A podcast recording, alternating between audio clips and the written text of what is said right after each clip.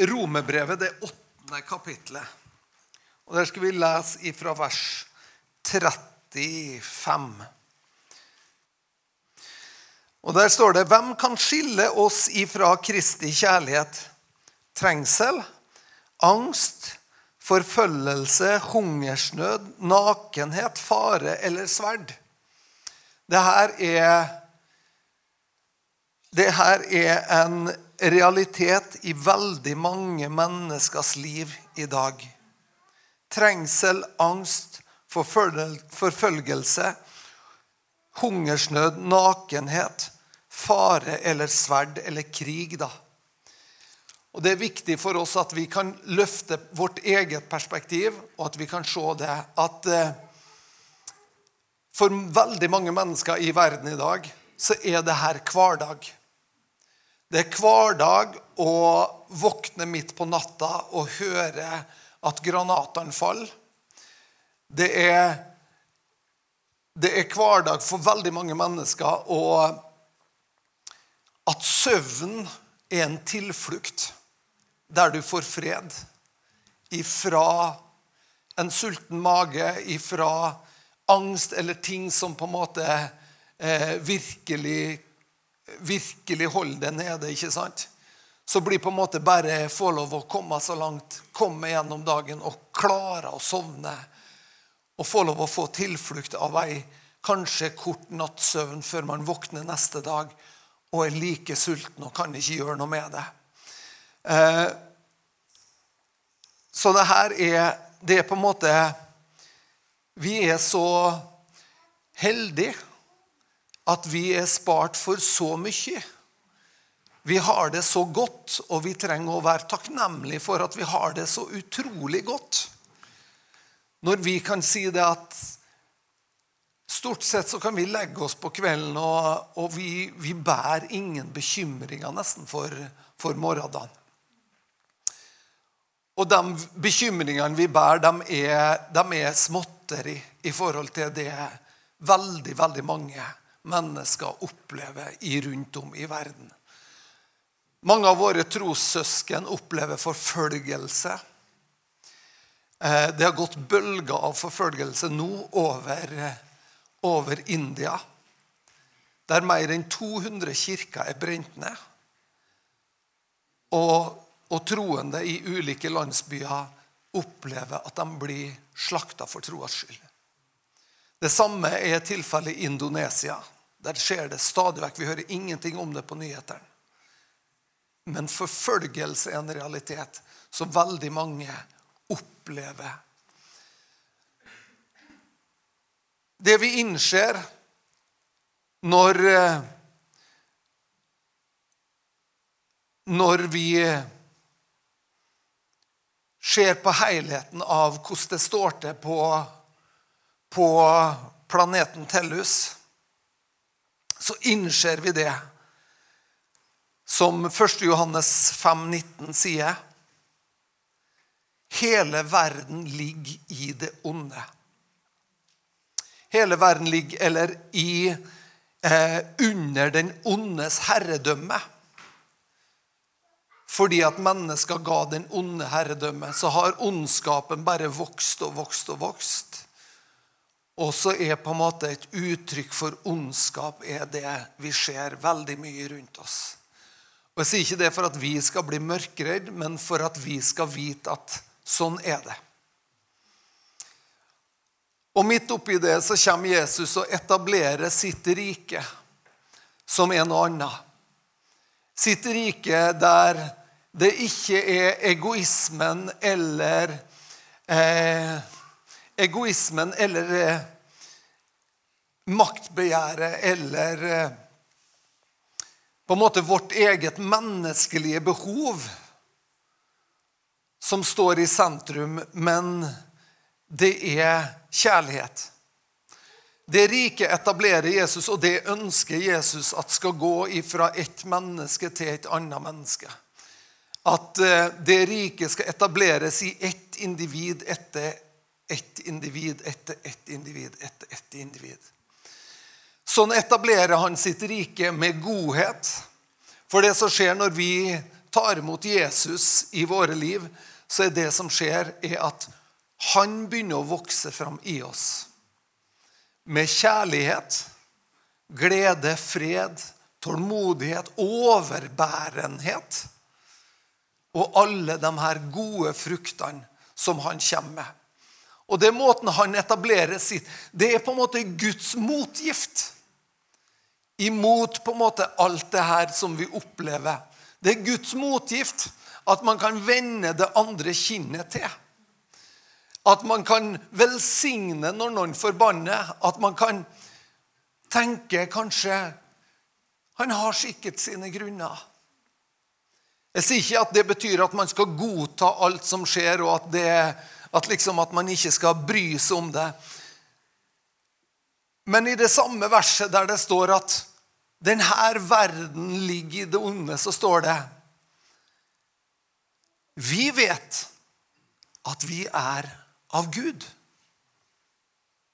Vi vet at vi er av Gud, og at hele verden ligger i det onde. Så det vet vi. Vi vet at i herligheten av ta så er vi den motgifta. Så er vi faktisk håpet om herlighet. Håpet om at Guds rike skal vises.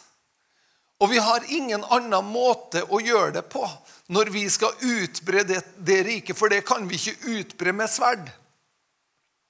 Men det kan utbres fra et hjerte til et annet. Ved at mennesker får lov å smake Guds godhet, at mennesker får lov å smake på hans sine gode tanker. Hvis vi leser litt til i Romerne 8, så står det ifra vers, ifra vers 27. Han som gransker hjertene og vet hva åndens sinnelag er. For han går i forbønn for de hellige etter Guds vilje. Han ber for oss at vi skal kunne vandre i Guds vilje. At vi skal kunne preges av hans sine tanker. At vi skal kunne være bærere av hans godhet. Og vi vet at alle ting virker sammen til det gode for den som elsker Gud. For dem som er kalt etter hans rådslutning. Vi vet at Sjøl om det er ufattelig i dag, så veit vi at også det her skal Gud vende til det gode. Han skal vende det til det gode. Og noen ganger så tenker jeg er det mulig? Så tenker jeg å Gud, det skal bli spennende å se hvordan du vender det her til det gode. Hvordan vi kan se tilbake på det her som oppleves bare vondt og si at Oi, se hva Gud gjorde. Han vendte det til det gode. Kanskje vi kan tenke at deres liv er et såkorn som skal få mangfoldiggjøre seg. Kanskje vi kan si det til Gud. I hvert fall kan vi si det. Gud, vi vil at dette ikke skal være forgjeves. Vi vil at det skal være sånn. At det her er noe som skaper ringvirkninger. Og så står det at vi ikke trenger å sørge som dem som er uten håp. I 1. Tesalonikerbrev, det fjerde kapittelet og vers 13, står det vi skal ikke sørge som de andre, dem som er uten håp. Det betyr at vi har et håp. Vi har et håp om å ses igjen.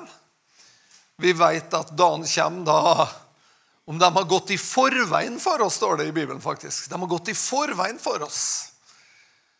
Og Jesus sier sjøl at jeg, av, jeg, jeg, forlater dere nå, og jeg går hjem til Faderen, og jeg skal forberede rom for dere.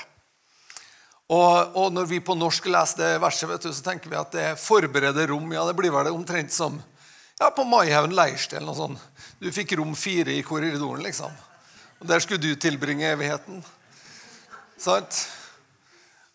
Men, men, men eh, det ordet som er brukt i grunnteksten, er et ord som like gjerne kan oversettes med herregårder. Mansions kan oversettes med. Så det er liksom eh, Her får du nøkkelen, ja, vær så god, til rom 14. Nei, det er litt Og jeg tror Gud innred, når Gud innreder et rom for det, så vet du noe Han er den som kjenner det bedre enn alle andre. Han er den som vet mer enn noen andre hvem du er. Så når du kommer til himmelen i dag, og Jesus har forberedt et rom for deg, eller en plass for deg, så veit han hva du liker. Så veit han hva du lengter etter. Du kommer til å gå inn den dagen, kommer du til å gå inn, og så bare Wow! Du føler det så sett, du føler det så elska, du føler deg bare så betjent av at Nei, den detaljen, liksom, som han bare veit at betyr noe for deg, den fins der. For han har forberedt det for det. Han har, for, har skreddersydd det for det. Er ikke det fantastisk å tenke på? Og det kommer til å overgå forstandet vårt. Det kommer til å overgå all fatteevnen. Altså. For Gud sier at 'jeg skal bruke de kommende tida'. De kommende tidsaldra skal jeg bruke på å vise dere min overstrømmende rikdom i godhet imot dere. Er ikke det fint å tenke på? Jeg har lyst å gå til Galaterne 4. Galaterne 4 og Nei, unnskyld. Filipperne 4 og vers 4. Og så tenker man kanskje at det er ikke et vers som passer i dag. Men jeg tenker det er et vers som passer i dag. Gled dere i Herren alltid. Igjen vil jeg si gled dere. Når er alltid? Alltid er i alle omstendigheter. Hva gjorde Paulus og Silas når de satt i det innerste fangerommet? Lenka fast.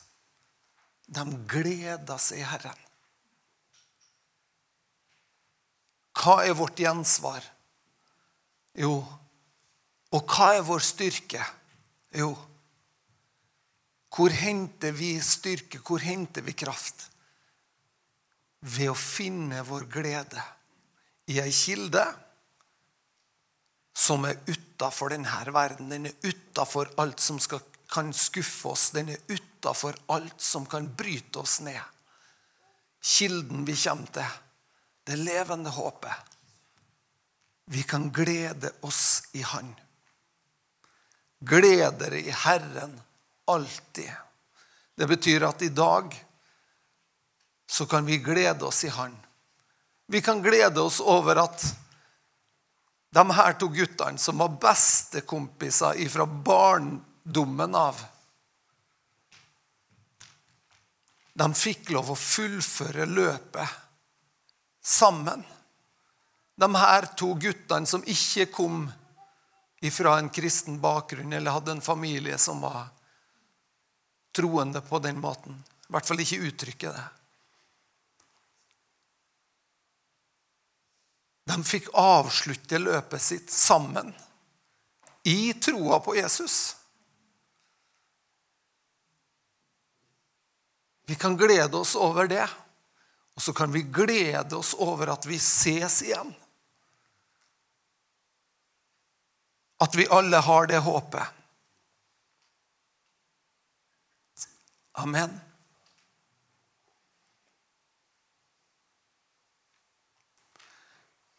vil takke deg, Herre, at du styrker oss, Herre.